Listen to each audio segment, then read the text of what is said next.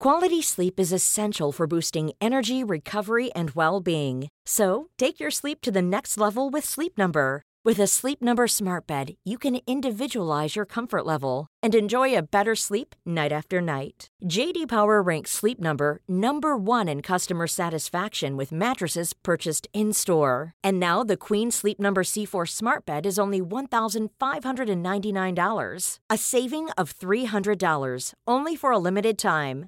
For JD Power 2023 award information, visit jdpower.com/awards. Only at Sleep Number stores or sleepnumber.com. Då kör vi Patrik! Ja! Hej och välkommen till 2023 med i väntan på katastrofen. Ännu ett år att, där du kan ta tag i din beredskap. Det blev ju sådär. Men vi är tillbaka i alla fall efter julledigheten. Eh, Jag heter Kalle Zackari Wahlström och med mig har jag Patrik Sellman. Hej Patrik! Hej Kalle. Gud, nu kommer att tänka på när jag fick dig att säga ho ho ho i sista avsnittet innan jul. Det var kul. Innan alla fick se vem den riktiga tomten är i eh, julspecialen där. Ja, just det. Har du kollat eller? Ja, det har jag gjort. Vad tyckte du? Jag tyckte, jag tyckte att, eh, jag tyckte det var bra. Jag känner ju er va, så jag ser ju vad ni gör och hur personliga ni är och så vidare. Jag tyckte det. Och sen tyckte jag att han fick fram känslan väldigt bra i festen. Faktiskt. Ja, kul.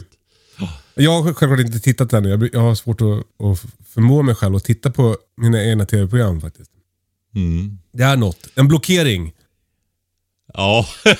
Jag tror att jag är rädd att, det ska liksom, att jag ska se någonting som jag vill ändra och så är det för sent att ändra. Ja, det, ja, precis. Sen, jag vet inte. Själv tänker jag väl så här att ja, men jag kommer ju med som en gäst som dyker upp lite grann.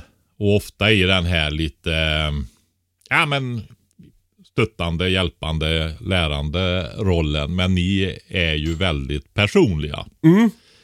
Så att det är ju lite utlämnande också. Ja, ja, ja. ja. Och nej, nu fick jag ännu mer ångest. Ja, nej, men så är det. Nej, men eh, det jag, jag tyckte det var synd att vi inte fick med eh, Vi gjorde ju chorizon också där. Var det inte med? Nej, det är ju, de fil, gick ju hem då vet du. Vi filmade ju bara julkorven och sen, Jaha. jag du, sen drack jag och du öl och gjorde chorizo och stod och pratade i ett par timmar där. Det Kalle. var mysigt. Ja, det var det faktiskt. Du, eh, det, en annan grej med den här julspecialen var att det var liksom lite svårt för mig att ladda om inför jul måste jag säga. Ja, ni satsar ju så mycket där. Det var, ja, du vet, jag hade ju en sån fantastisk jul jag. När mina barn var små så var... ah, Vi flyttade ju upp här tidigt 1990 till Värmland. Ja. Och då var ju min dotter tre veckor och min son två år. Så våran, mina föräldrar och syskon och så vidare, de har ju kommit hit på jularna va. Ja, ja, ja. Framförallt, framförallt eh, min syster då som hade barn. Min bror han fick ju barn senare då. Så vi har ju alltid firat ihop och de har sovit över och sådär. Så det har blivit så väldigt mycket jul om man säger så när barnen var små på ett väldigt positivt sätt. Då. Ja. Och eh, nu gjorde vi så i år att vi, min dotter har ju tre barn då. Mm. 10, 8 och 6 år och min son har fått sin första som fyllde tre månader på julafton. Åh, Så då samlades vi allihopa hos min dotter för de har ett stort hus då. Och eh, nej, men vi firade jul ordentligt och sov över och åt frukost ihop och sådär då. Min Ja, vad mysigt. son och hans hustru och deras barn och min dotter då. Ja, det var det verkligen. Och det... Sen var det tre månaders killen här, Nathanael då. Min sons son där.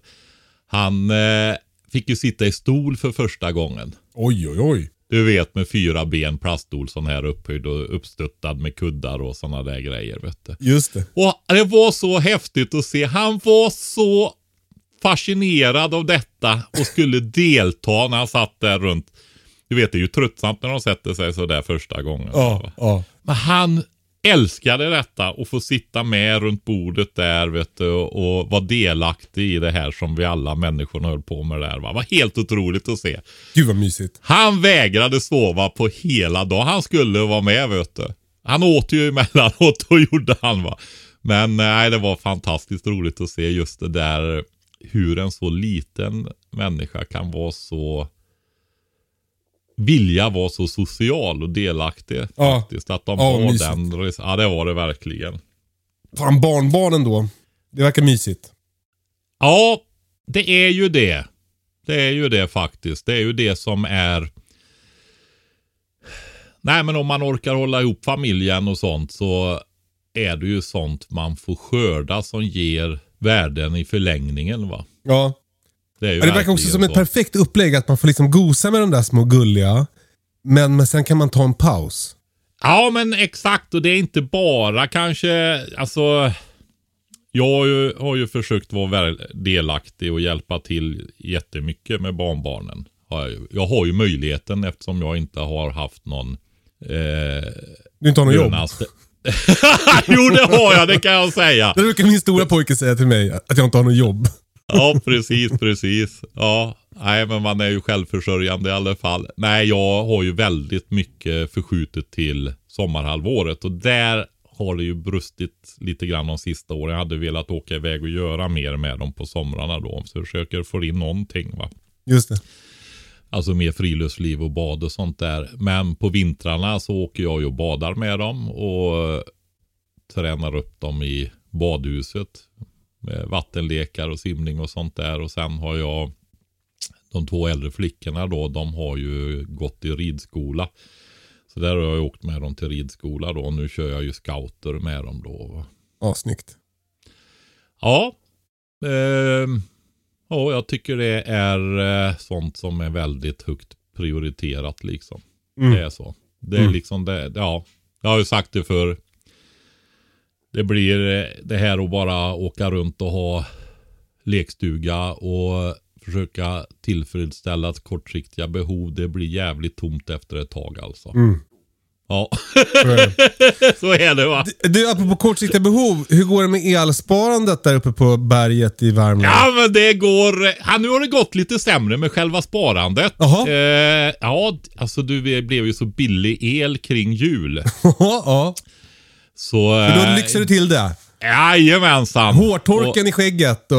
Och, och nej, nej, så lågt har jag inte fallit. Nej, nej. Men... Eh, nej, men jag slog på i varmvattenberedaren igen. Oj, vet, det oj, kostar oj. Ju no, det kostar ju mellan, vad var det, 0 och 80 öre tror jag det maxar på under några dygn då. Så Ja. att, eh, nu kör vi, där har vi varmvatten faktiskt och kör när det är låga priser då. Nu är den ju avstängd då när det är högre priser. Men sen gjorde jag ju en grej till. Jag berättade ju att diskmaskinen eh, hade gått sönder och att jag provkörde Alltså vi har ju handdiskat mycket när vi var unga då men sen blev det ju diskmaskin. Och, eh, men nu gjorde jag så att jag har ju tänkt igenom det där, speciellt om vi skulle vara många här, att eh, hur får man sådana där funktioner att fungera? Så då provkörde vi ju det med diskställ och alltihopa och olika saker och sånt som är för att underlätta om man behöver diska mycket. Och det behövde vi ju då för det hade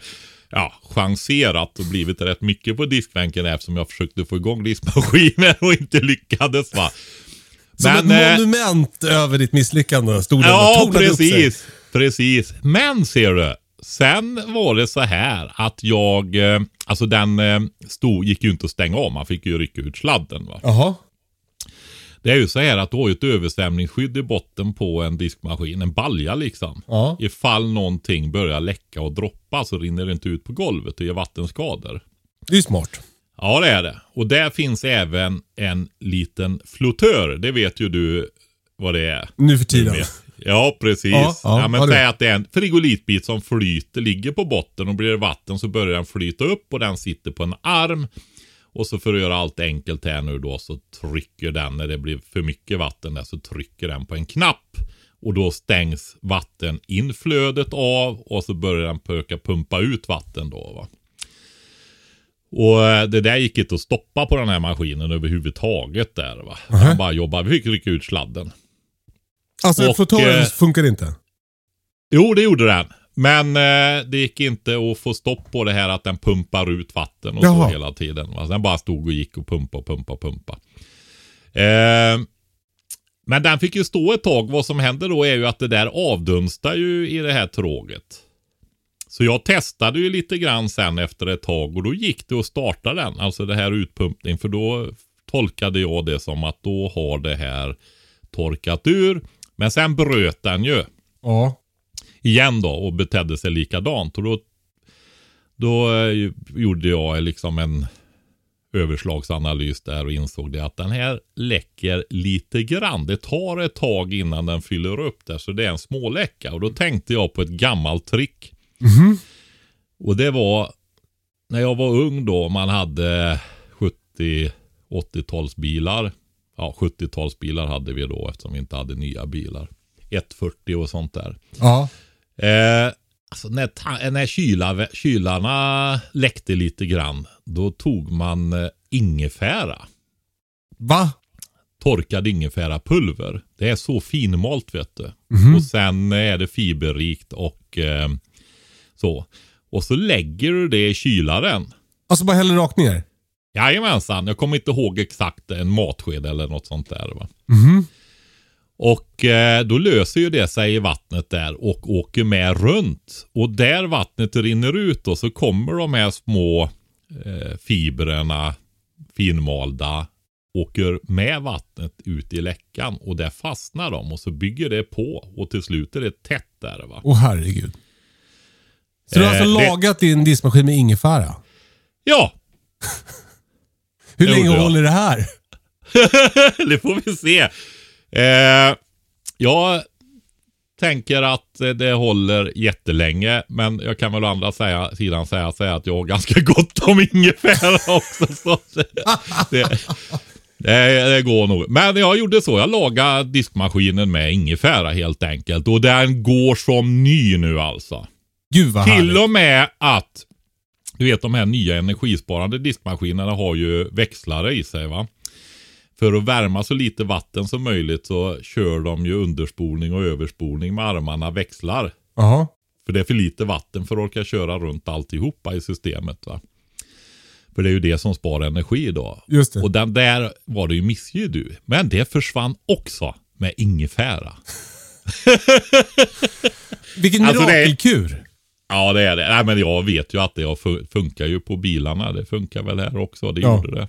Ja, vad- vad imponerande och inspirerande. Mm, fan, min, fru vart lite imponerad också. Det är inte ofta nu efter 36 år som hon blir så imponerad. Men nu vart hon, han lagat diskmaskinen med ingefära. Det imponerar även på min fru där. Ja, min hustru. Ja. så är det. Ja, själv har jag varit på eh, eh, bilsemester under, under, i mellandagarna. Eh, vi har kört genom Sverige, vi har varit en sväng i Tänndalen och sen till Umeå. Och eh, det, var, det var lite långt för barnen. Mm. Eh, att åka så där länge i, i bil, det passar inte små barn. Trots iPads. Eh, så det har varit ganska slitigt. Eh, men jag känner mig ändå på något sätt eh, liksom utvilad. Tror att jag har sovit ganska bra. Men, men eh, för liksom eh, relationen är det ju inte toppen. Att ha sådär pressat. Nej. Ja, det, jag har ju sagt det till dig förr där liksom det här att när det är små barn. Mm. Det är ju det där att man gör något helt annat och, och är tillsammans. Som är det viktiga när det är semester. Alltså jag, jag tänker de bästa semestrarna nästan det är ju när vi har åkt ut till Storön som ligger fem kilometer därifrån i en stor sjö. Paddlat eller rott ut dit och varit där och övernattat och tältat och badat och fiskat och grillat och sådär. va. ja. Och, eh, eller enkla grejer. Åka iväg två mil till en campingplats och bada och de kan springa och leka med andra barn. Alltså det, det jag tänker säga min eller du vet man ska flyga utomlands med små barn och sådana där grejer i helt nya miljöer långt hemifrån och grejer och flyga och hålla på. ja. Alltså jag, fan, vilket helvete det låter som. Ja, ja, ja. Men det kan ju gå, en del lyckas kanske med det där och tycker att det är toppen. Det, men jag tänker inte att det är, jag skulle inte göra det i alla fall va. Nej, nej men det, det kommer vi fram till också. Och, och det, det var så skönt att vi var överens om det när vi skulle åka hem. Så jag, jag körde hem igår och de andra åker nattåg ikväll. Eh, för nattåg från Umeå passar bättre för en treåring än bil från Umeå. Jag tror att det tog, jag körde, jag körde ändå själv, körde, liksom låg på rätt bra igår. Det tog tio timmar för mig att ta mig hem. Mm. Jag ska ju i ärlighetens namn säga det faktiskt att vi har ju åkt väldigt långt med bil också eftersom min hustru är från Norrbotten. Just det. Men vi gjorde ju så att när barnen var små då körde vi på nätterna så de låg och sov. Ja. Ja, det är så man måste göra. Jag, jag tror också, för det, det var, eh, vi tänkte ju så här, vi delar upp resan eh, i små bitar så, så blir det lugnt. Och då, då tyckte vissa av oss då att man kunde köra ungefär ett fyra timmar om dagen. Och jag tänkte så här, det, det kommer ju ändå bli en hel dag i bil. För man måste stanna och äta och rasta hundar och kissa och allt det där. Eh, men jag tror att det var bättre att köra, liksom, riva av det som ett plåster. Köra en jättejobbig körning sent på natten. Alltså jobbig för de vuxna medan barnen sover. Och Mm. sen så ha mer tid på plats. Men vi har ätit väldigt mycket hotellfrukost där i alla fall. Ja, Ja. gillar barnen det också alltså? nej, De nej, det är ingen som gillar. nej, det är du som Nej, gillar jag gillar inte det. heller det. Tycker- Nej, Alltså det är katastrof. Det, jag, blir så, jag blir mest provocerad av hotellfrukostar. Det är som att någon har läst vad som är gott, men har ingen aning om, har liksom inte smakat på maten själv. Köper bara det billigaste som finns på, på en hemsida. Mm. Beställer hem ett storpack med färdigskivad ost som smakar plast. och sen eh, har, vad är det de gör? Det finns något halv och helfabrikat på äggröra. Ja, exakt. Det, det är som, en, som ett skum mer. Ja, det är hemskt. Men det jag tänkte på det Patrik, det, det, alltså, eh, jag har ju ställt den frågan till dig någon gång. Sådär. Hur får man ett långt äktenskap? Och det här var någonting som aktualiserades nu under den här... alltså det är ju som, alltså, och jag fattar ju, det, det låter ju som en, som en eh, parodi. Alltså det, det är ju som alla svenska stora komedier handlar ju om familjer på resa. Alltså vi hade i alla fall tur med vädret och, Ja, den är ju helt, alltså jag orkar knappt titta på och, den och längre Göta alltså. kanal och Sällskapsresan och allt. Alla handlar ju om liksom, eh, familjer som är på resa och hamnar i konflikt. Mm. Eh, ja. Ja, men alltså om du då, alltså ni lever ju ett, ett väldigt fritt liv dessutom va. Men tänk dig de här familjerna som jobbar 47 veckor om året och så får de fyra veckor på sommaren. ja. Med alla förväntningar och drömmar om att få uppleva och leva ut allt det där fantastiska va. Och så blir det ju inte som de har tänkt sig. ja. Så är, så är det ju. Ja, nej men Ja, det, tycker- det, det finns ju ändå någon slags... Um, det här är ju en beredskapspodcast. Men jag tänker att det finns ju ändå... Det känns som att vi har varit inne på det här tidigare. Att, att um, eh, liksom ordna ett bra liv Mm. eh, och, och hålla ihop med sin familj är ju den, kanske den, nästan den viktigaste beredskapen som man kan ha.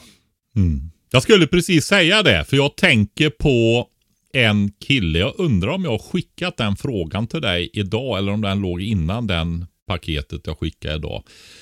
För jag, han frågade efter det där mentala avsnittet.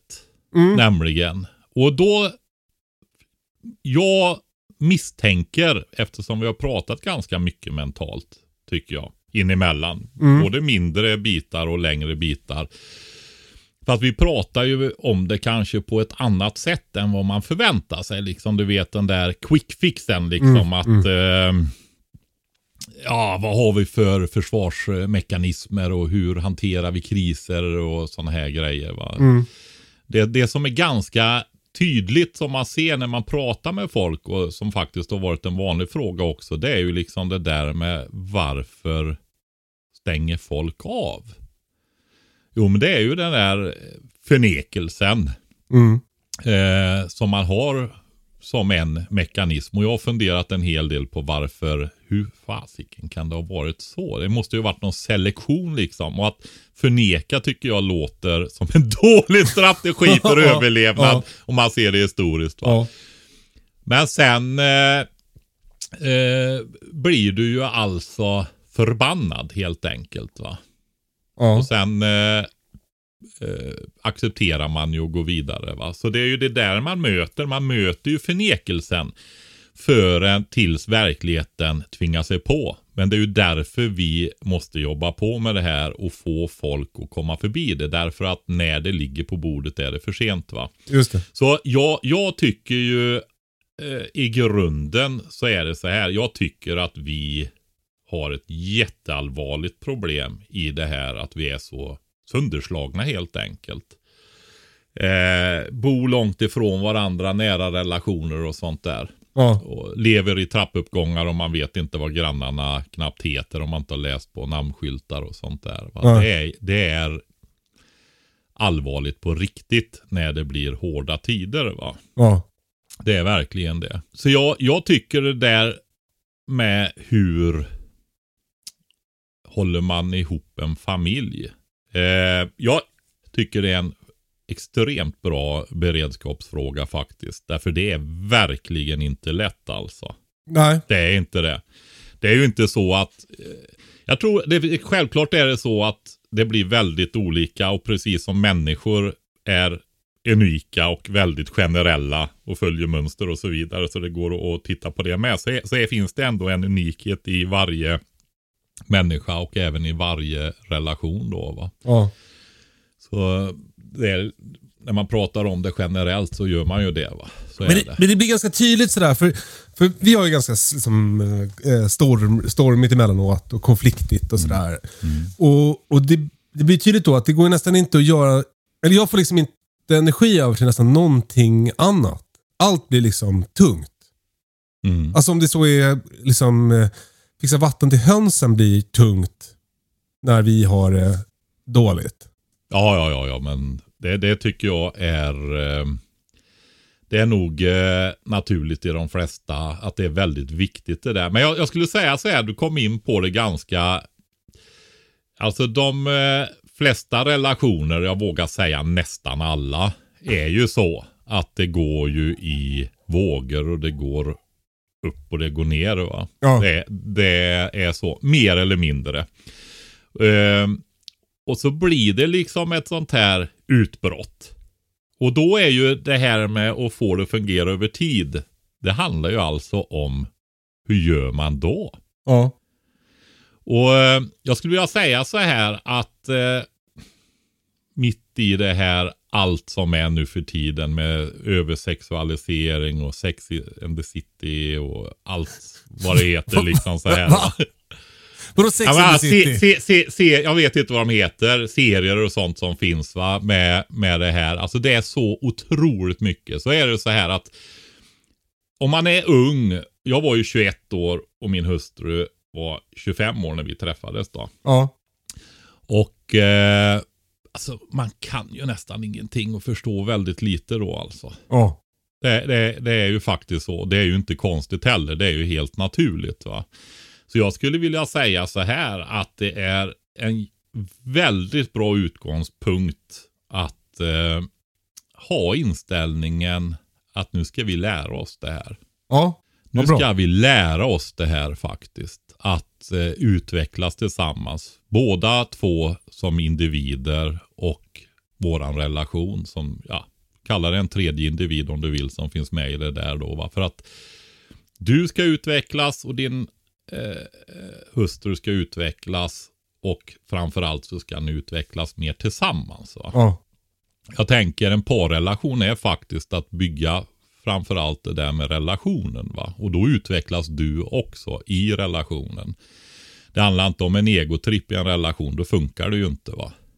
Nej, men det där är så spännande för, för, för jag har liksom, det där är någonting som jag har insett typ nu, eller liksom när jag var 38.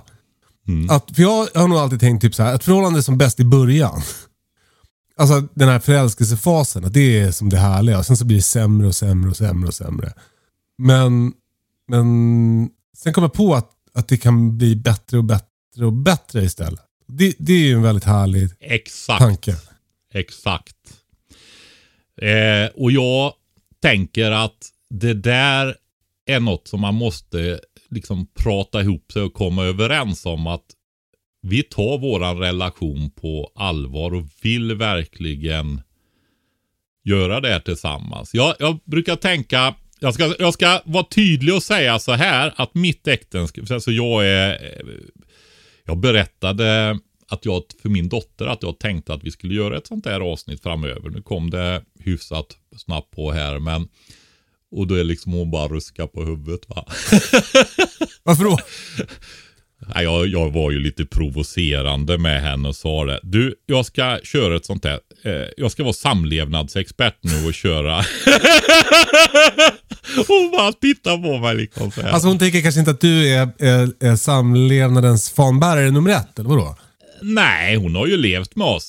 Det är ju så att vårat äktenskap, det har verkligen inte varit på en dans på rosor. Det har varit inte alls bra periodvis. Va? Nej. Men jag tänkte då när, eh, och sen har det varit jättebra andra perioder. Och det är, jag ska säga också så här att småbarnsåren är ju en intensivövning alltså. Det är ju det. Ja. Så är det. Så är Ja. det. Då får man lära sig väldigt, väldigt mycket.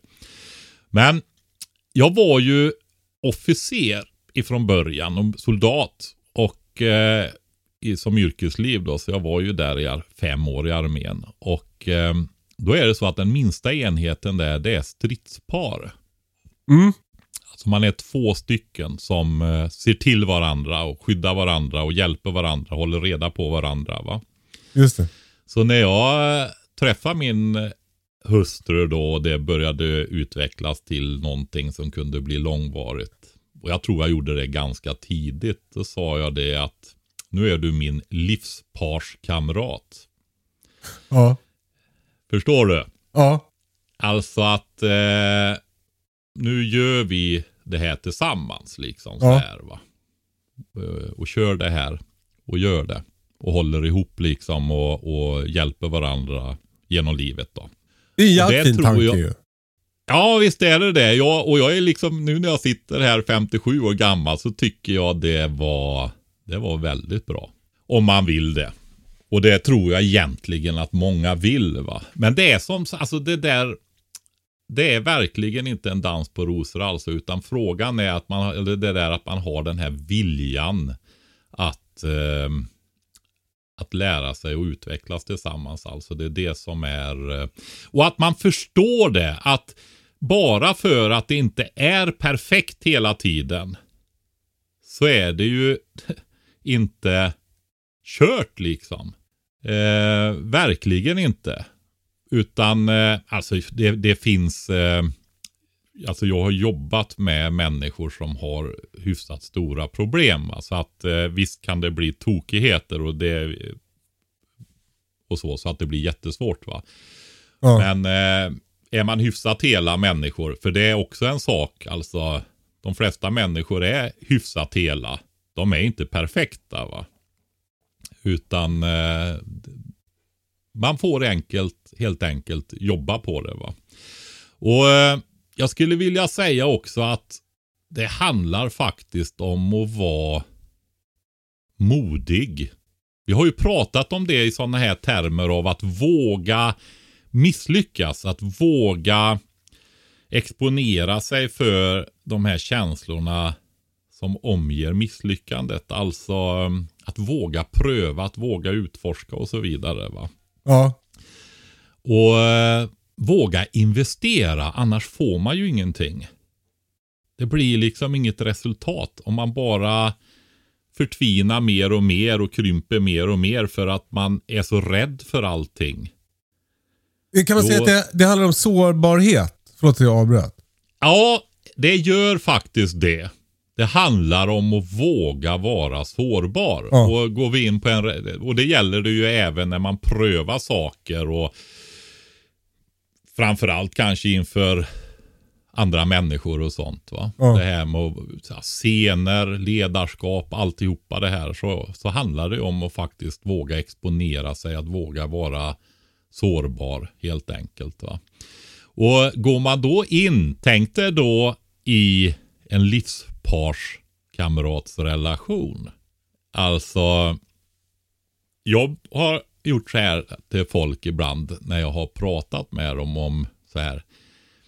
Vem är du mest rädd, alltså som lever, vem är du mest rädd för av alla människor i princip? Det är en lite konstig och, och teoretisk fråga också, men ändå för den ger en bra eftertanke alltså. Ja, ja, ja det, är ju, det är ju Britta. Du förstår det ja. Ja. Därför att du är så sårbar inför henne eftersom ni har den här relationen. va. Hon är mor till dina barn. va. Och ingen känner mig bättre än vad hon gör. Nej, precis. Och hon kan också i princip få dig att må sämst av alla människor som finns nästan. Visst, det kan komma någon och tortera dig och mörda dig och så vidare. Men rent känslomässigt så är det faktiskt hon. va. Ja. Och, eh, Och bäst jag- vill jag säga också. Om Britta Och så- lyssnar. Vad sa du? Och bäst vill jag säga också om Britta lyssnar. Ja, men det är ju så. Känner man varandra så eh, är det ju så att när vi blir jättearga och sådär så eh, gör vi ju dumma grejer. va. Så är det ju. Ja. Så är det ju. Men då ska du liksom... Om du, det, det är ju så här, när man, det är så, jag brukar säga när man har små barn så bygger man ju relation med dem genom att ge dem mat, byta blöja, se till att de får sova och sådana grejer. Ja. Eh, och det funkar väl ofta bra, men det funkar ju inte alltid jättebra heller. Det gör det inte. Nu går vi inte in på det på bytet till barnuppfostran här. Men sen blir det det här att man leker med barn. Så bygger man relation med barn. Och det gör man med hundar också. Eh, och det gör man väl på sätt och vis med en livsparskamrat också. Att man gör rolig, bygger roliga minnen och, och har trevligt tillsammans och så vidare. Men vill man fördjupa relationen, alltså få en intimare relation, då handlar det om att våga lägga upp halsen alltså. Att göra sig sårbar. Ja. Och det, vi har ju varit inne på det i en annan podd här där du pratade om det här att du hade så svårt att prata om känslor. Mm. Och delvis så har det ju med att göra det här och ganska stor del att man inte är van vid det, att man inte har utvecklat ett språk för det. Just det. Och, eh, men det är ju inte bara det.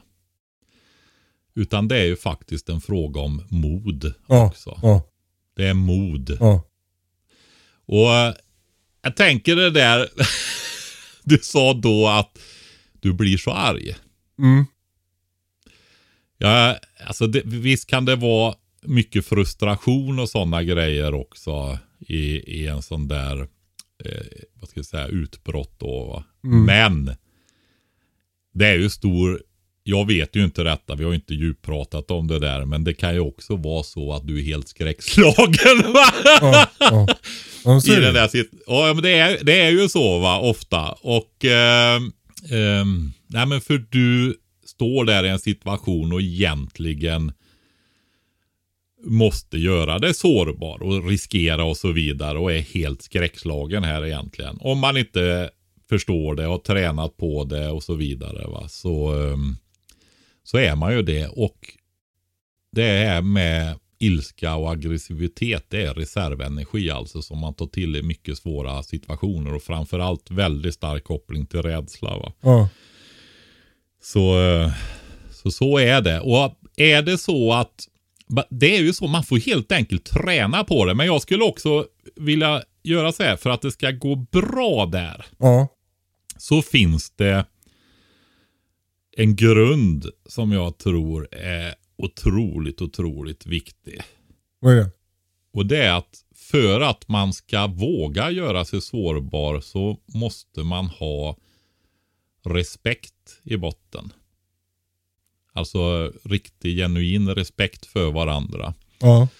Eh, och har man inte riktigt det men vill så får man utveckla det. Och om man förstår att respekt liksom är betongplattan i grunden för att bygga en känslomässigt närmare relation, en intimare relation på alla plan.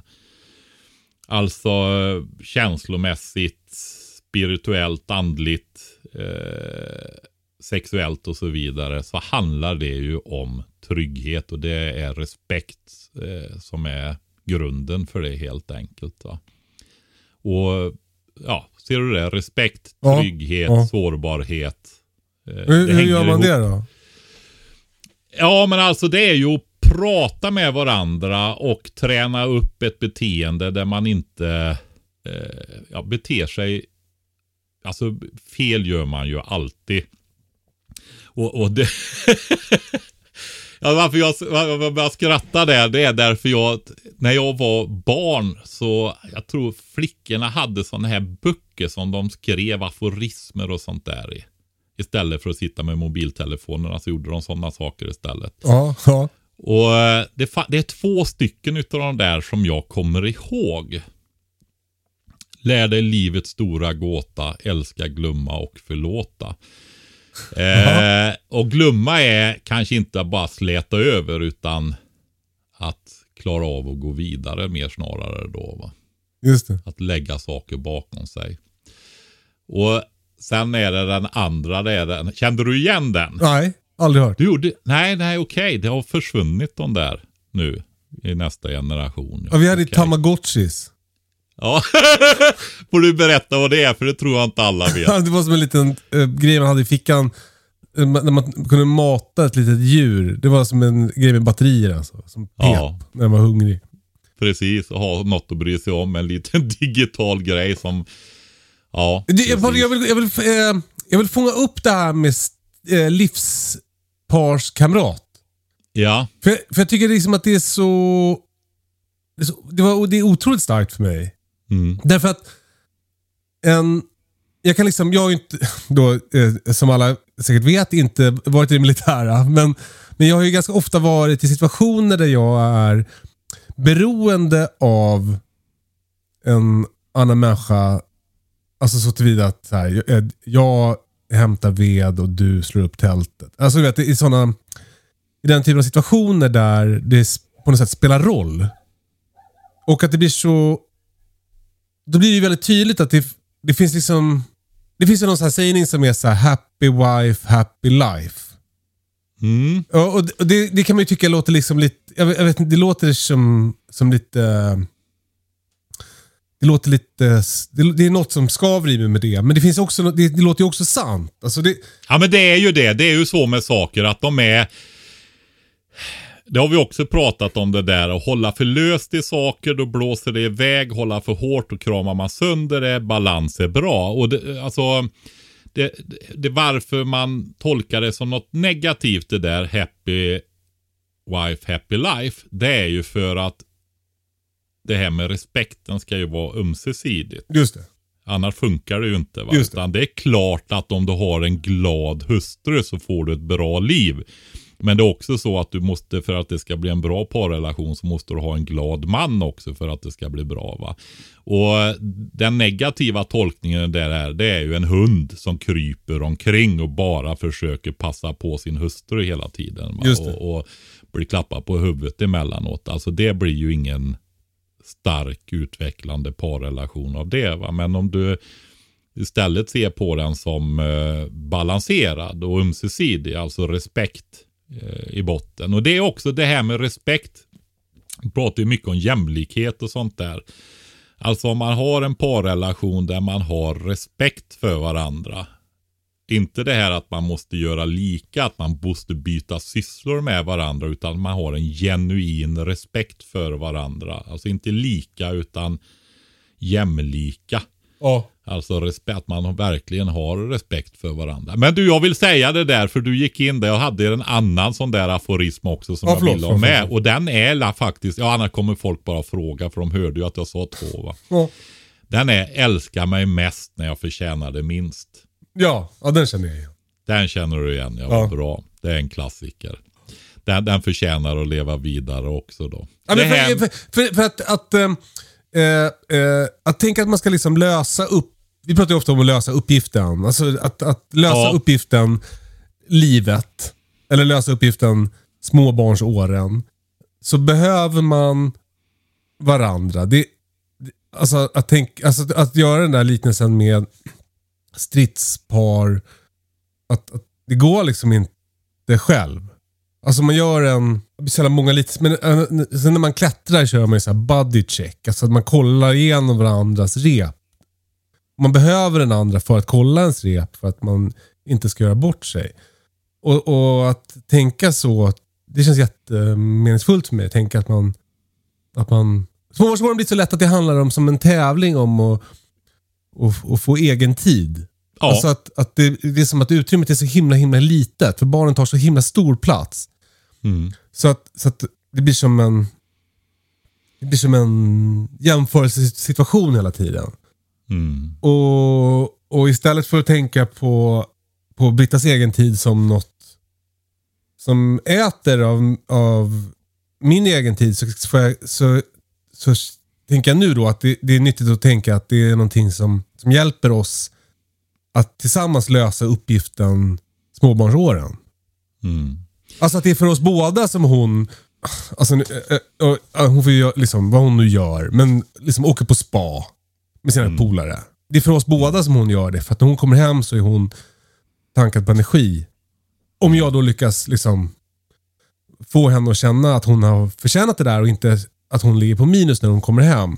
Ja, Jag, jag vet inte, jag är... Eh, eh, det, det är ju så här också att det här bygger ju på vad man har för föreställningar om saker och ting också. Och det har ju varit ett stort skifte som har skett de senaste decennierna. Så är det ju va.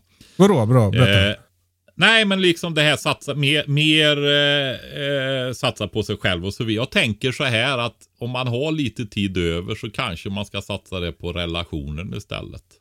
Ja, ja, ja. men det får man göra som man, som man eh, Alltså sitter man med det där då får det väl vara så. Behöver man jättestora behov av det då gör man ju så va.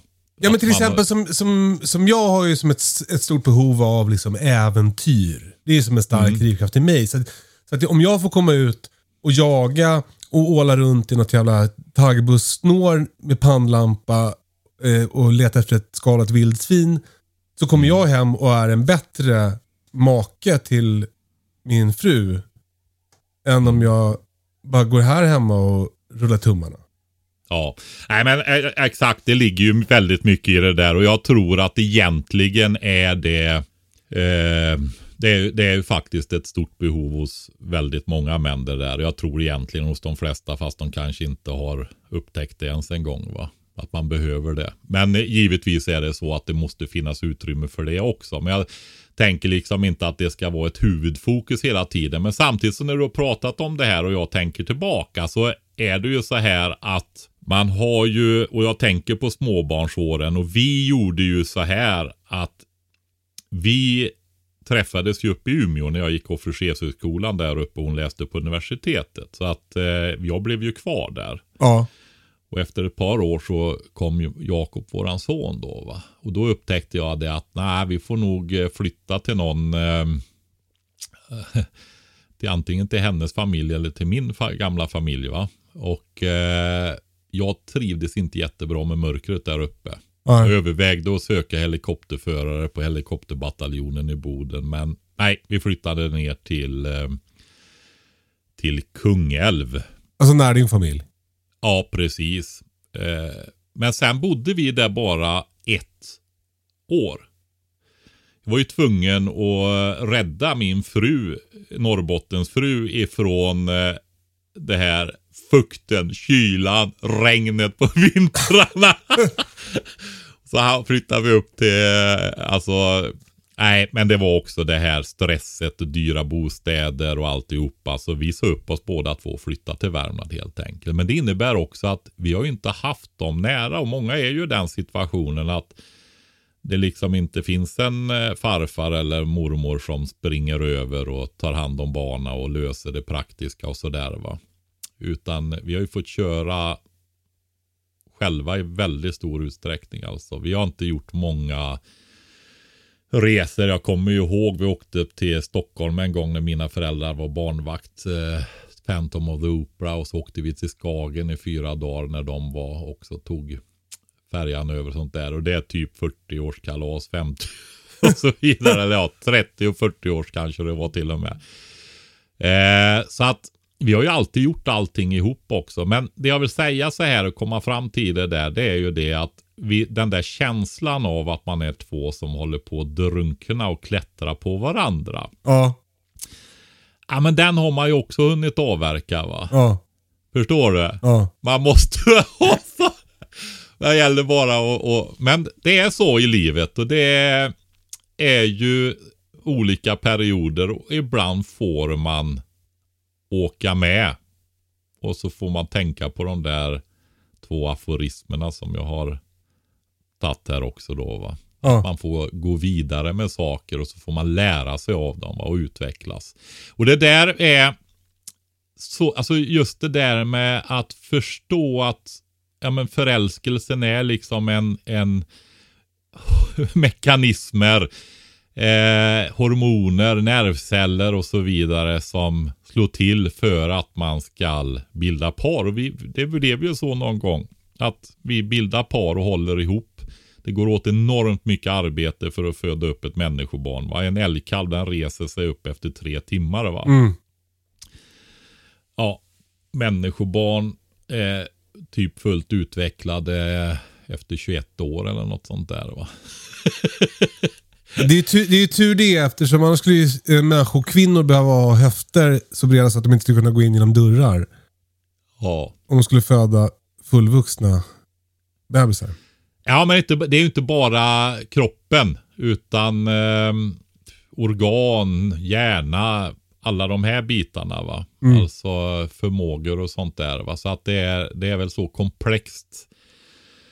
Jag tänk- Människan. jag så den att där- det behövs lång tid. Den här älskar mig mest när jag förtjänar mig minst. Som man alltså, har, har hört och läst och så man är helt less på den. Men, men det är ändå, det är ändå starkt. Det är också om man sätter ihop det med den här stridsparsgrejen. Att man, Mm. man blir ju less på den som man ska jobba ihop med. Mm. Men, men, men det känner ju ingenting till att då sabotera för den eller liksom hamna i konflikt med den. Utan det, det gör ju bara att det blir jobbigare för en själv. Mm.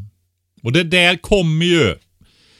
Alltså jag, man hör ju tal. Jag är alltid sådär att jag vill reservera mig lite. För jag förstår att det finns relationer med väldigt mogna, eh, trygga människor som är hyfsat stabila. Men jag vet ju att det är väldigt få undantag. Och det jag vill säga är så här att när det blir skitjobbigt, när man tror att det, det liksom är, nej det här, det här är, det här funkar inte liksom va.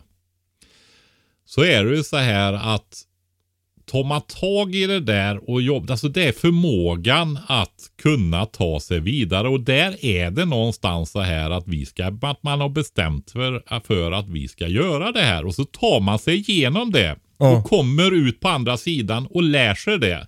Och det är ju frågor om förmågor som man har eller utvecklar och förbättrar och så vidare. Va? Och Och sen är det Nej, väl också men- den här grejen att man liksom inte... eh, att, att hur det som ser ut när man tar sig igenom det är antagligen inte som man kanske tänker. Att den andra ska sluta med sin jävla skit. Utan att man kan liksom inte ändra... Det är det första man får lära sig i parterapi. Alltså man får, kan inte ändra på någon annan än sig själv. Så att, så att det, och det tänker jag också hänger ihop med det här, liksom, hur, hur är kopplingen till beredskap? Att det handlar om ett ansvarstagande för sin egen situation och sina egna känslor. mm, Att ta ansvar och inte lägga över det på någon annan och tänka att det är någon annans brister som skapar ens olycka utan att det är att, det är att man själv får ta sig kragen och, och, och styra upp det här. Det där är eh, skitviktigt och det är givetvis så här ska jag säga också då. Det är ju inte enkelt det här va. Vi pratar om något extremt komplext och det, man måste ju förenkla det för att kunna prata om det överhuvudtaget. Men man måste förstå att det är mycket som är involverat. Va? Men det du säger nu där, det är oerhört, oerhört viktigt. Och det är generellt. Och det var en grej när vi körde det, pratade om det här mentala förut, så var det två saker jag missade att säga där. Det, det här är, som du tog upp nu, det är den ena faktiskt. Vi, vi hanterar ju saker på olika sätt, olika försvarsmekanismer och ett sätt är att Alltså det, det här att man ställer till det, att man misslyckas och så vidare. Det ger jobbiga känslor. Ja. Så är det va. Och eh, då kan du lyfta dem, bort de känslorna genom att skylla ifrån dig. Mm. Då avlastar du dig. Va? Du smiter ifrån det där. Och det är lätt. Och det är ju små barn, dumma sko, Ja. dumma sten, Ja. dumma dig. Eh, så här va. Alltså barn blir ofta arga på, alltså eh, mina barn har i alla fall en tendens att de, om de slår sig så är det som att de ska, de blir nästan arga på, om man Ja. försöker trösta.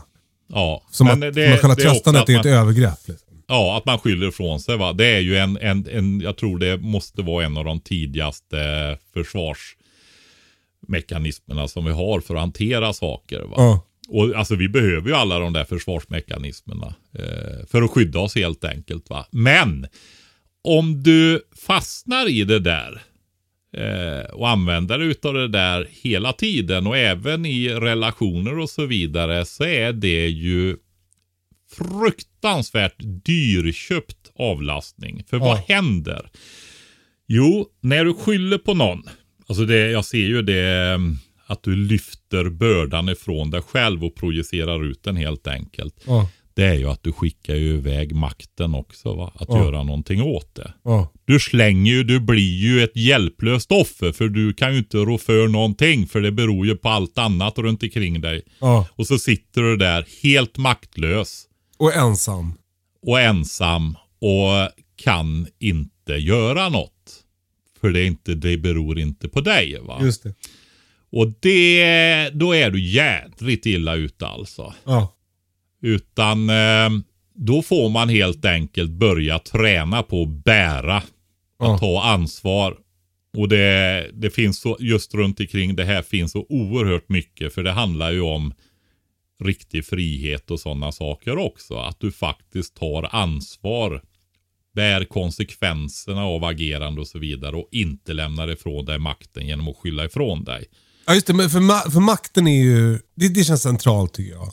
Ja, För det, den där maktlösheten som det skapar är ju eh, hemsk. Och handlingsförlamande. Ja. Och jag tror att det här som vi pratar om nu, varför jag ville ta upp det i förra avsnittet men det försvann, det är därför att jag tror att detta är så vanligt så jag tror det är helt centralt idag. Ja. Det är jätteallvarligt helt enkelt. va.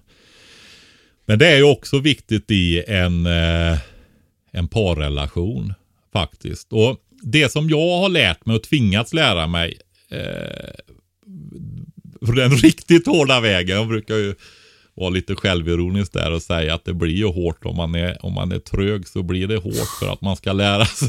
Ja, ja. Ja. Nej men det är ju att förhålla sig till saker. Alltså det här vad är Tänk hur vi har det idag, de flesta av oss, inte alla för en del har det Ja, men du vet sjukdom och allt sånt här också. Va? Men om vi tittar på våra familjer. Tänk dig liksom i ett historiskt perspektiv. Det välstånd vi har. va. ja. Vi är friska båda två. Vi har barn som är friska. Vi har barnbarn som är friska. Allt är ju perfekt. va. ja. Hur bra har vi det inte? Och så håller vi på och krånglar till det och är missnöjda som bara den. Kommer du ihåg? Det är här sjöman. till Britta. Jag, liksom, alltså, jag kom till någon slags insikt. Förlåt att jag avbryter. Men jag Ja, men kör det. Jag kom det. till någon slags liksom, insikt. Jag bara tänkte så här, vi har så, vi har så otroligt bra. Ja, Alltså eh, liksom underbara jobb. Eh, eh, bra med stålar. Liksom, alla är friska. Lever i en tid med sjukvård. Ja. Många utav historiska risker är borta. Alltså du har privilegiet att kunna hålla på och stänga av din varmvattenberedare. För att du Ja. tycker det är spännande. Typ. Ja, nej men alltså det, det är ju så. Jag, och, eh, det är ju en bortskämdhet egentligen Ja, utan ja. dess like. Och alltså, jag tycker ju inte man... Alltså det är också det där, jag, inte helt... Jag, men alltså det här spänningsfältet får vi kalla det va. Att det är å ena sidan och andra sidan. Det är inte, man ska ju vara, man ska inte vara missnöjd med sig själv eller det. Man ska vara förnöjsam. Men samtidigt så tycker jag att det är viktigt att man strävar efter att bli bättre. Mm. Alltså det är viktigt det där att man tycker om sig själv, att man tycker om sin relation, att man tycker om saker och ting och att man tycker att det duger. Men inte bli lat, tror jag man kan säga. Alltså att man, just det här att sträva efter att få jobba vidare. Va? Jag, jag har faktiskt pratat med min hustru, eller vi har pratat här och eh, hon jobbar ju fortfarande som lönearbetare i skolan som lärare. Och det är ganska tufft. Hon har gått ner i arbetstid nu till 80 procent då. Hon är ju 61 och några år kvar. Men vi har, vi har liksom sagt det att när det var pandemi här nu. Jag kan säga så här, när min dotter föddes det där jag nämnde och vi flyttade till Värmland när hon var tre veckor. Mm. Det var tufft när min son föddes. Eh, Han grät mycket och, och så vidare. Va? Så kolikbarn som man brukar säga. Va? Så att det var väldigt lite sömn i tre månader och vi fick hjälpas åt med det där. Va? Så när våran dotter föddes, vi flyttade, hade sagt upp oss och vi hade lite pengar och sådär och så var vi, levde vi väldigt sparsamt. Och så var jag hemma, vi var hemma tillsammans i sex månader. När våran dotter var nyfödd då. Va? Mm. Men då hade vi ju småbarnen. Men sen gjorde vi faktiskt det här när pandemin började och hon jobbade i skolan och det såg så där fruktansvärt illa ut. Du vet, de dog på trottoarerna och byggde sjukhus för tusentals personer och liksom Mm, det var the big one liksom. Mm. Så eh, tog hon tjänstledigt. Hon fick jobba på distans. Och eh, så vi var hemma i ett halvår igen utan småbarn. Mhm. Alltså, så bra vi hade det va. Mm. Och jag var så glad just när vi fick tid va. När inte det var allt det där andra. Förut har det ju varit småbarnsår. Var och yrkeslivet som pågår och tar så mycket. Men så fick vi sex månader då. Där. Alltså det jag sa, vi sa det, det här båda ju gott inför pensioneringen. Ja, vi får vara friska va. Och då, då har vi sagt det liksom att Nej men vi ger oss det att när hon går i pension så fort hon kan då eftersom vi håller på med verksamheter och extrainkomster och så vidare. Vad som vi kan göra. Och kommer att fortsätta med som en del av vårt liv för vi tycker det är viktigt. Vi kan inte bara sätta oss i solstolen. Va?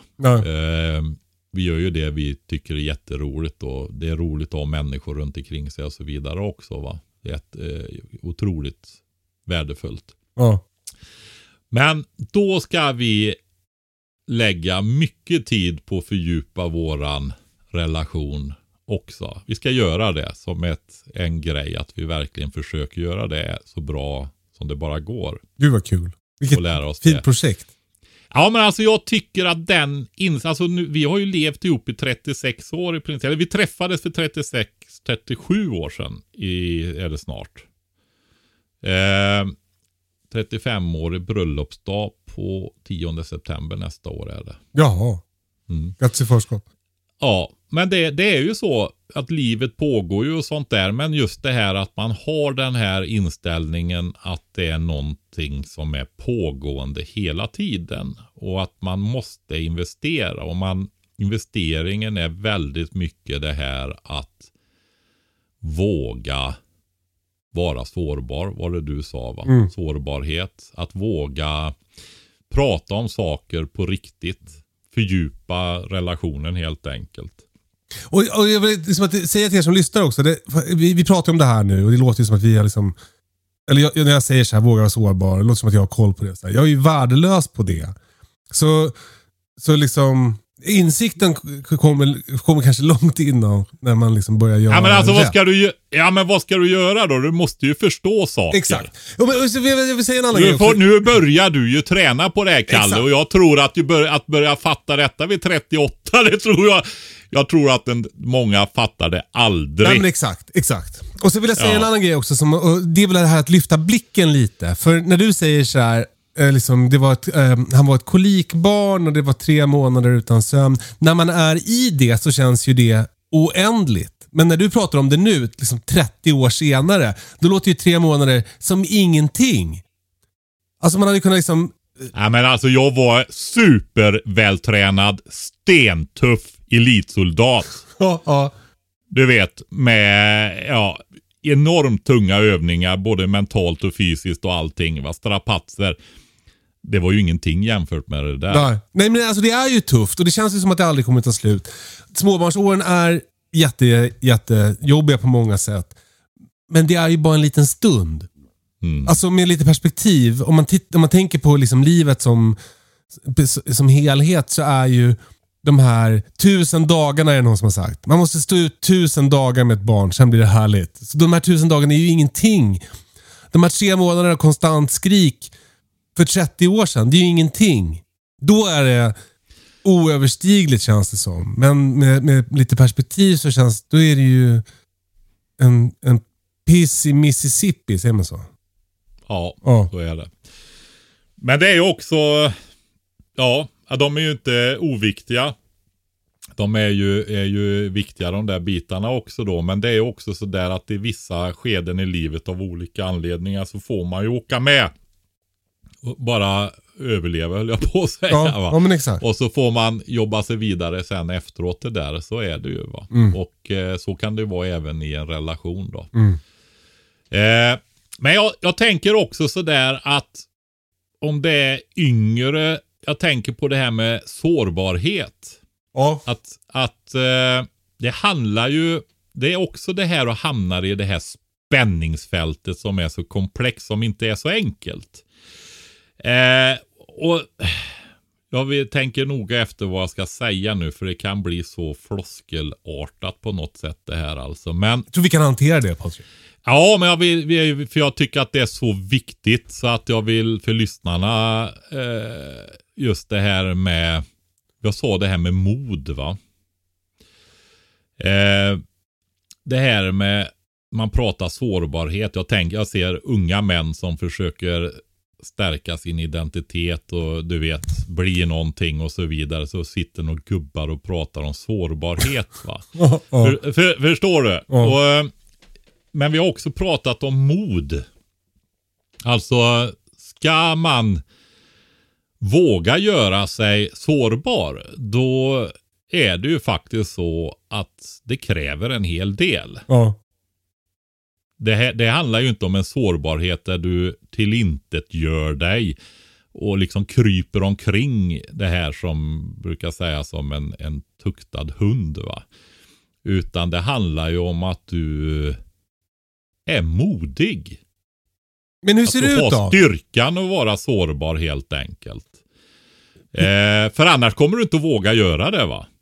Att eh, våga det här utan då är du rädd och backar hela tiden och det är eh, fungerar inte helt enkelt. Hur, hur, hur ser det ut när man, när man är sårbar? Eller, eller ännu bättre, hur ser det ut när man övar sig på att vara sårbar? Eh, ja men ta dina, det är ju det du gör nu som du berättar om när du blir arg och, och det här och inte. Ja, men alltså, eh, om vi säger så här, om det ska utvecklas normalt, om vi säger så, så handlar det ju faktiskt om att våga prata, uttrycka saker, önskemål.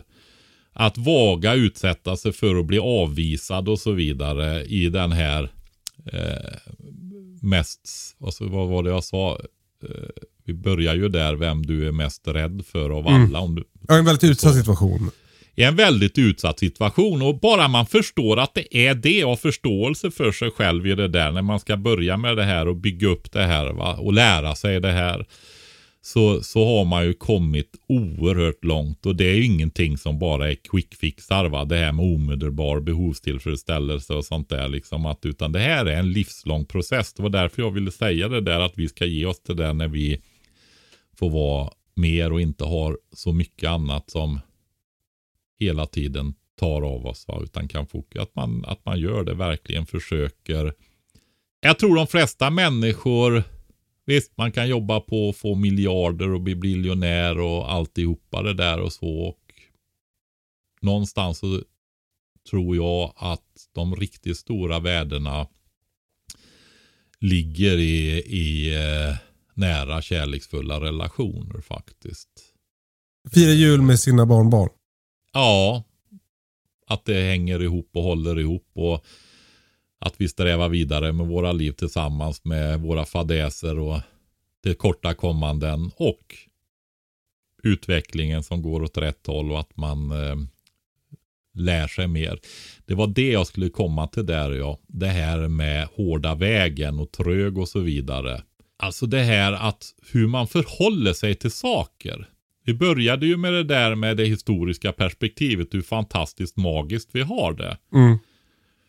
Eh, och både, alltså vi har ju helt fantastiska liv och får vi vara friska och fortsätta tillsammans nu, vilka möj vilken, vilken pensionärstid jag och min hustru har framför oss. Mm. Alltså det är helt otroligt alltså.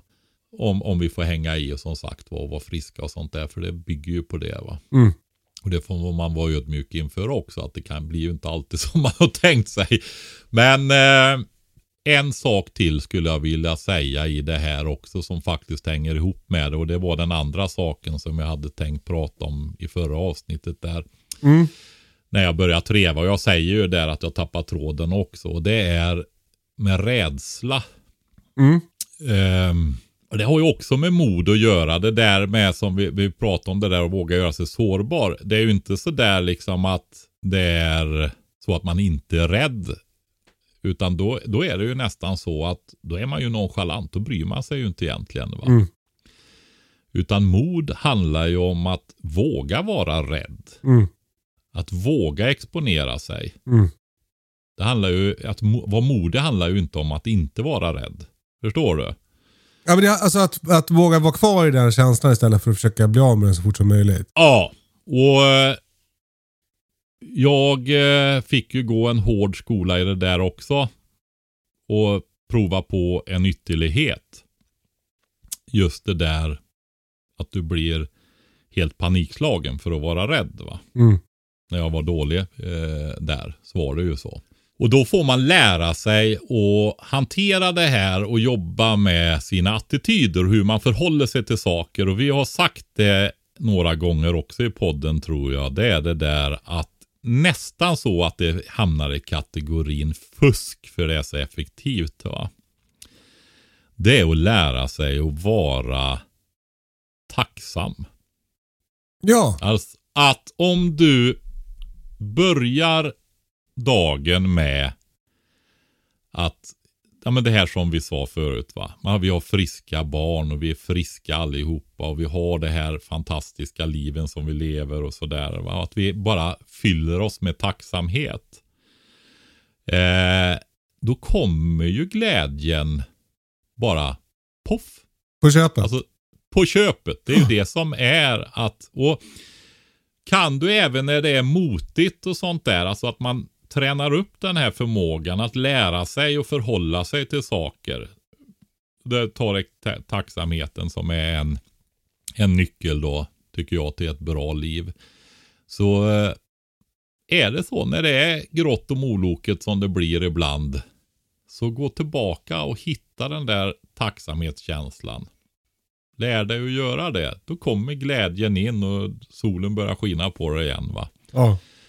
Och det är ju så här som man får lära sig att hantera saker med hur man förhåller sig och lär sig, lär sig, lär sig, lär sig. Att det är en ständig process. va. Mm. Och är det, ska man ha en långvarig relation då, då bestämmer man sig för att nu ska vi lära oss tillsammans. va. Mm. Och utveckla det här och få göra det och få det här fina ihop. va. Som vi till exempel nu lärde oss att, att det är för hårt att köra jättelångt varje dag på semester med barnen. Alltså det är ju, det är ju, ja det är, alltså det kan ju finnas andra anledningar till det. Ibland måste man ju göra det. Vi vill ju hälsa på Ingmaris mamma och syskon och deras familjer uppe i Norrbotten. Och då körde vi på nätterna för att få det att fungera. Mm. Eh, men de, och det var väldigt, vi hade väldigt fina eh, veckor där och två veckors perioder och så vidare under deras uppväxt. Och det gör ju att Ingmaris släkttorp får vi säga. Det var inte en gård utan otroligt vackert belägen där uppe. Blev ju en del av våra barns barndom också. Det har ju ett jättestort värde. Men annars är det ju så här att de smidigaste och det, det är ju de här korta enkla utflykterna med små barn. Mm. Så är det ju faktiskt.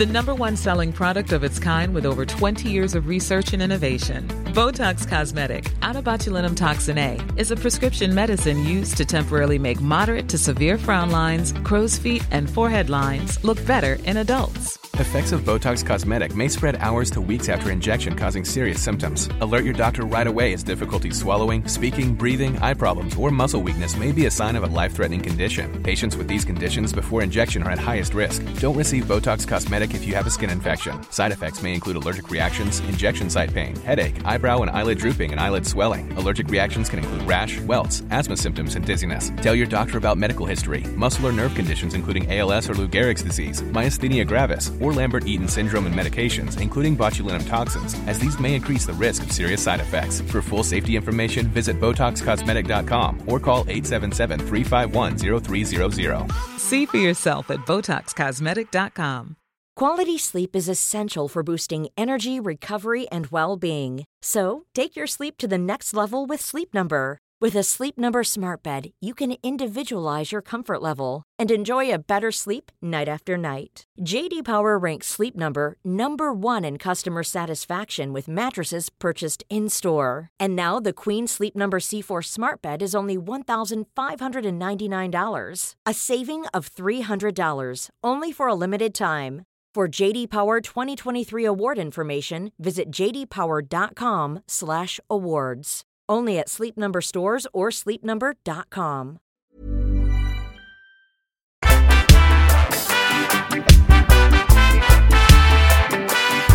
Vi har ju tidigare avsnitt här nu pratat om våran fröbox som vi tog fram ihop med eh, Fröbanken.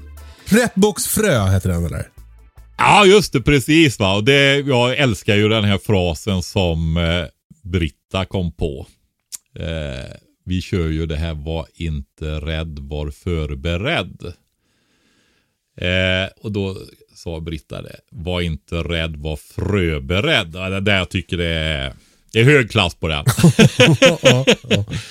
och vi jobbar ju mycket och vi har ju pratat om det här att i år, alltså förra året då, var det året man skulle göra det där om man hade funderat på att börja odla grönsaker, utöka sina odlingar, skaffa de där kaninerna, hönorna och så vidare. Va?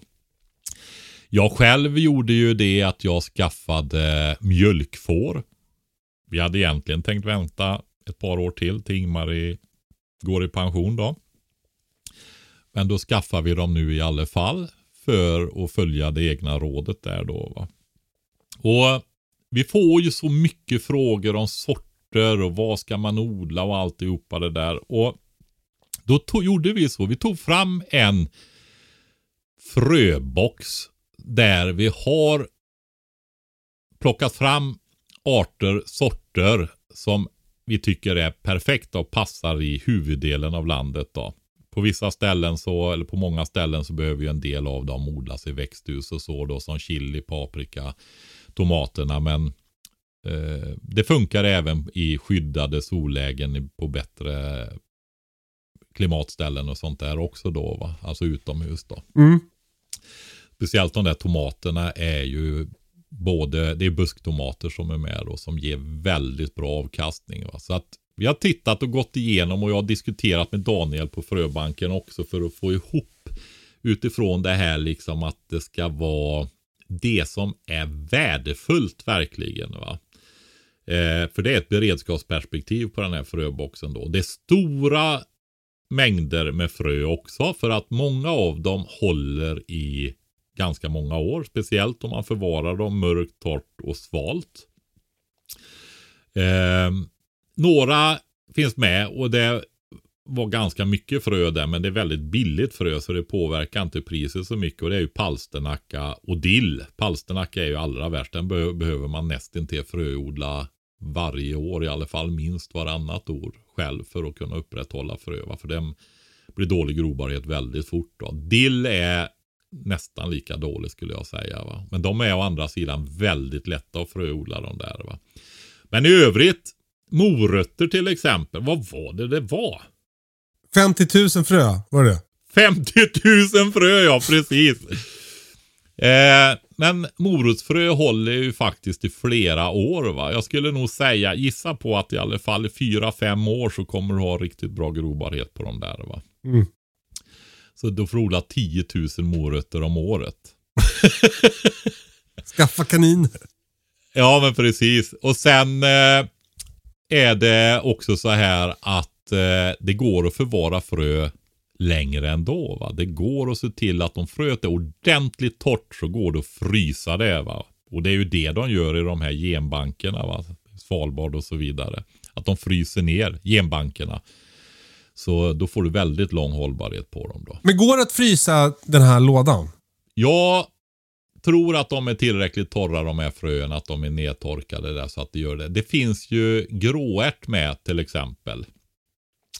Ärtor och bönor och sånt kräver att det är riktigt torrt. Annars får de illa. Jag provade ju själv att torka ordentligt alderman, en märgärt som jag tycker mycket om då. Och jag hade nog den i frysen i fem år i alla fall. va.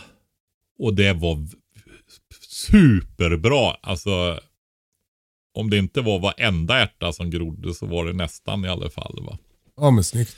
Så att eh, visst gör det det. Men just ärtor, bönor, de här större fröna är väldigt viktigt att de är riktigt torra då. Va? Och det är väl det att är det för mycket vatten i så får du, spränger du sönder cellstruktur och sådana grejer skulle jag gissa va. Faktiskt. Nej, men eh, vi har, jag har också skrivit ihop en text som eh, Britta och Jakob har gjort läsbar då va. Eh, läsarvänlig. Jättefint faktiskt. Och... Eh, Med liksom en odlingsinstruktion va? Ja, det är det kan man säga då. Och eh, det är också med ett beredskapsperspektiv, alltså med radavstånd och så vidare. Det är inte det här optimerade, maximerade mängder med gödsel och vatten och så vidare. Utan eh, lättskött och större odlingar och så vidare är de där instruktionerna gjorda för då. Va? Och även i viss mån fröodling, hur den går till också då. Att ha egna fröer. Vi försöker ju uppmuntra till det här att utvecklas i det där att faktiskt eh, skaffa sig de här kunskaperna. Det innebär inte att du måste jobba häcken av det varje år och så vidare. Utan börja experimentera med att börja ta frö från olika typer av växter. Kolväxter kanske inte är det första att börja med men vissa av dem är lite enklare. Men rotfrukter, ärtor, bönor, chilisar, tomater och så vidare är väldigt enkla då. Va? Och det får vi väl säga också just det då när det gäller fröboxen där att just de allra enklaste eh, det märkliga med dem är att de är dyrast. Och det är chili, paprika, tomater och sådana grejer. Det är, och där är det tio stycken bara utav varje sort. Vill säga med bara då va, jämfört med de andra eh, billigare fröerna. Där man odlar mycket. Och det är därför att det är så enkelt att ta fröna. Låter du en chili mogna, skrapa ur de fröna som finns inne i där och torkar dem. Så har du nytt frö till nästa år. Va? Samma Varför är de så dyra när de är så lätta att ta? Jag vet inte. Det är väl kanske att du eh, inte kan truska dem med maskiner och så vidare. Ah, jag ja. kan tänka mig att om du till exempel odlar morötter och sånt där. Du får ju upp de här buskarna. Eh, du kör dem med truska helt enkelt. Mm. Så får du stora mängder frö. Rotfr rotfrukterna är ju så att sätter du rotfrukten i jorden år två så växer det upp en stor buske med blommor på. Som insekterna älskar och eh, så får du mängder med frö där på. Va? Så då kan man köra det med truska skulle jag tänka mig. Nej men vi har fröboxar kvar fortfarande. Nu börjar det bli högsäsong och eh, vissa av dem skall ju sås nu då. Och det är ju purjolök och eh, chili och paprika framförallt. Då, va? Utav de där sorterna. Visst var det 18 sorter det blev till slut? Arter och sorter. Ja, jag minns inte. Jag Nej, så stressad över att jag, inte så, att jag måste så chilis. Ja, men det är ingen panik än. Ska du testa det här? Ja, men alltså du har januari på dig till och med in i början på februari. Det blir lite senare och så va. Så att, eh, men det är ju det där hur man ska göra i år. Det är ju inte jättedyrt att dra igång en sån där om man har LED-belysning och sånt och en mindre yta. Men eh, samtidigt så fixar man ju detta i ett söderfönster och då kanske man kan vänta lite längre in i januari va. Min plan är att gro allting i ett söderfönster och sen flytta det till en hylla med LED-lampor. Mm. I ett Och det- svalare utrymme. Ja, och det är ju två, tre veckor för att de här ska gro i princip va? ordentligt. Och du kan ju ha dem där lite längre också faktiskt och sen skola om dem då. Va? Just det. Alltså ta eh, småplantorna och med barrot och sätta i större brätten och krukor och så vidare. De kan vara ett tag. Låt oss inte fastna i det nu Patrik. Nej, det blir ett nytt avsnitt på det andra nästan. Tyckte- Men jag- eh, säg, säg klart om eh, frölådan nu. Var ska man gå om man vill köpa den? Ja, du går till eh, prepbox.se och så går du till butik tror jag det heter. Eller handla, vilket det nu var, i menyn. Och så får du upp alla våra produkter där och där finns fröboxen. Snyggt. Och jag kan väl säga så här eftersom jag har valt ut den då så kan jag verkligen rekommendera den. Underbart. Mm. Sen får jag väl säga så här också. Jag har ju egna produkter kvar också. Och nu kommer vi i april att eh, dra igång det här med att lära sig grunderna för att bygga upp eh, fruktträdgård, bärbuskar och sådana saker. Så att eh, det gäller både de två småbrukarkurserna. Den ena är fulltecknad och den andra har börjat bli tecknad nu. Jag har fått lite frågor och så om den där också. Men där finns det gott om platser kvar. Och sen finns det trädtillverkningskurs, en endagars. Jag tror det är två stycken. Jag tror den ena är full eller princip nästan full och den andra har några platser kvar. Och då får man lära sig att göra egna träd. Och eh, ja, det blir en väldig skillnad om du ska gå och köpa ett äppleträd för 800 till 1500 spänn eller om du börjar tillverka dem själv. Då handlar det om några enstaka tior va. Mm. Då kan du liksom ha 20-30 träd i det närmaste för samma pris. Va? Mm. Och sen handlade det här om hur man förökar bärbuskar med sticklingar och hur man gör sådana saker då så du kan bygga upp stora mängder med bärbuskar. Så att ni är välkomna att ta de där sista. Det är eh, knappt fyra månader till vi drar igång. Så eh, jättevälkomna. Och var, köper man, var, var går man då någonstans? De hittar man på eh, småbruk.se. Med Å. Ja, jajamensan. Jag det var faktiskt en som skrev ett mail till mig. Och sa att du, jag ser att smabruk.se är ledig nu. Och jag har bokat den åt dig. Åh, Så du får den av mig. vad Jag skriver över, om du vill ha den så skriver jag över den till dig. Så jag har både småbruk.se och smabruk.se. gud vilken Så den- otrolig människa. Ja, alltså det, du om, oj oj oj vad mycket tacksamhet. Men det måste väl du få också i mejlen och så, Kalle?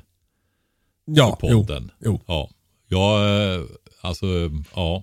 Inte lika Nej, mycket det- som du tror jag. Du får ta mig lite mer för given. Precis, det kanske är så. Det kanske är så. Nej, men det har, får jag ju. Så det, en, det känns väldigt bra. Du, Så tack, tack för det, höll jag på att säga då också. Va? Ja, det men var ju snyggt. väldigt vänligt. du Mm. tack, tack så mycket Patrik för idag. Eh, Jag känner mig liksom eh, stärkt och också peppad på att eh, fortsätta lära mig tillsammans med min fru. gå den vägen tillsammans med henne. Ja. Tänk eran historia ni har att bygga på. Ja. Underbart. Vad värdefull den är. Fint. Eh, hörni, tack för att ni lyssnar på oss. Eh, eh, fortsätt höra av er. Hej att katastrofen.se är mailadressen. Och eh, i väntan på katastrofen heter vi på Instagram. eh, ta hand om varandra och ha det så bra så hörs vi. Puss och kram, hej då! Hej då!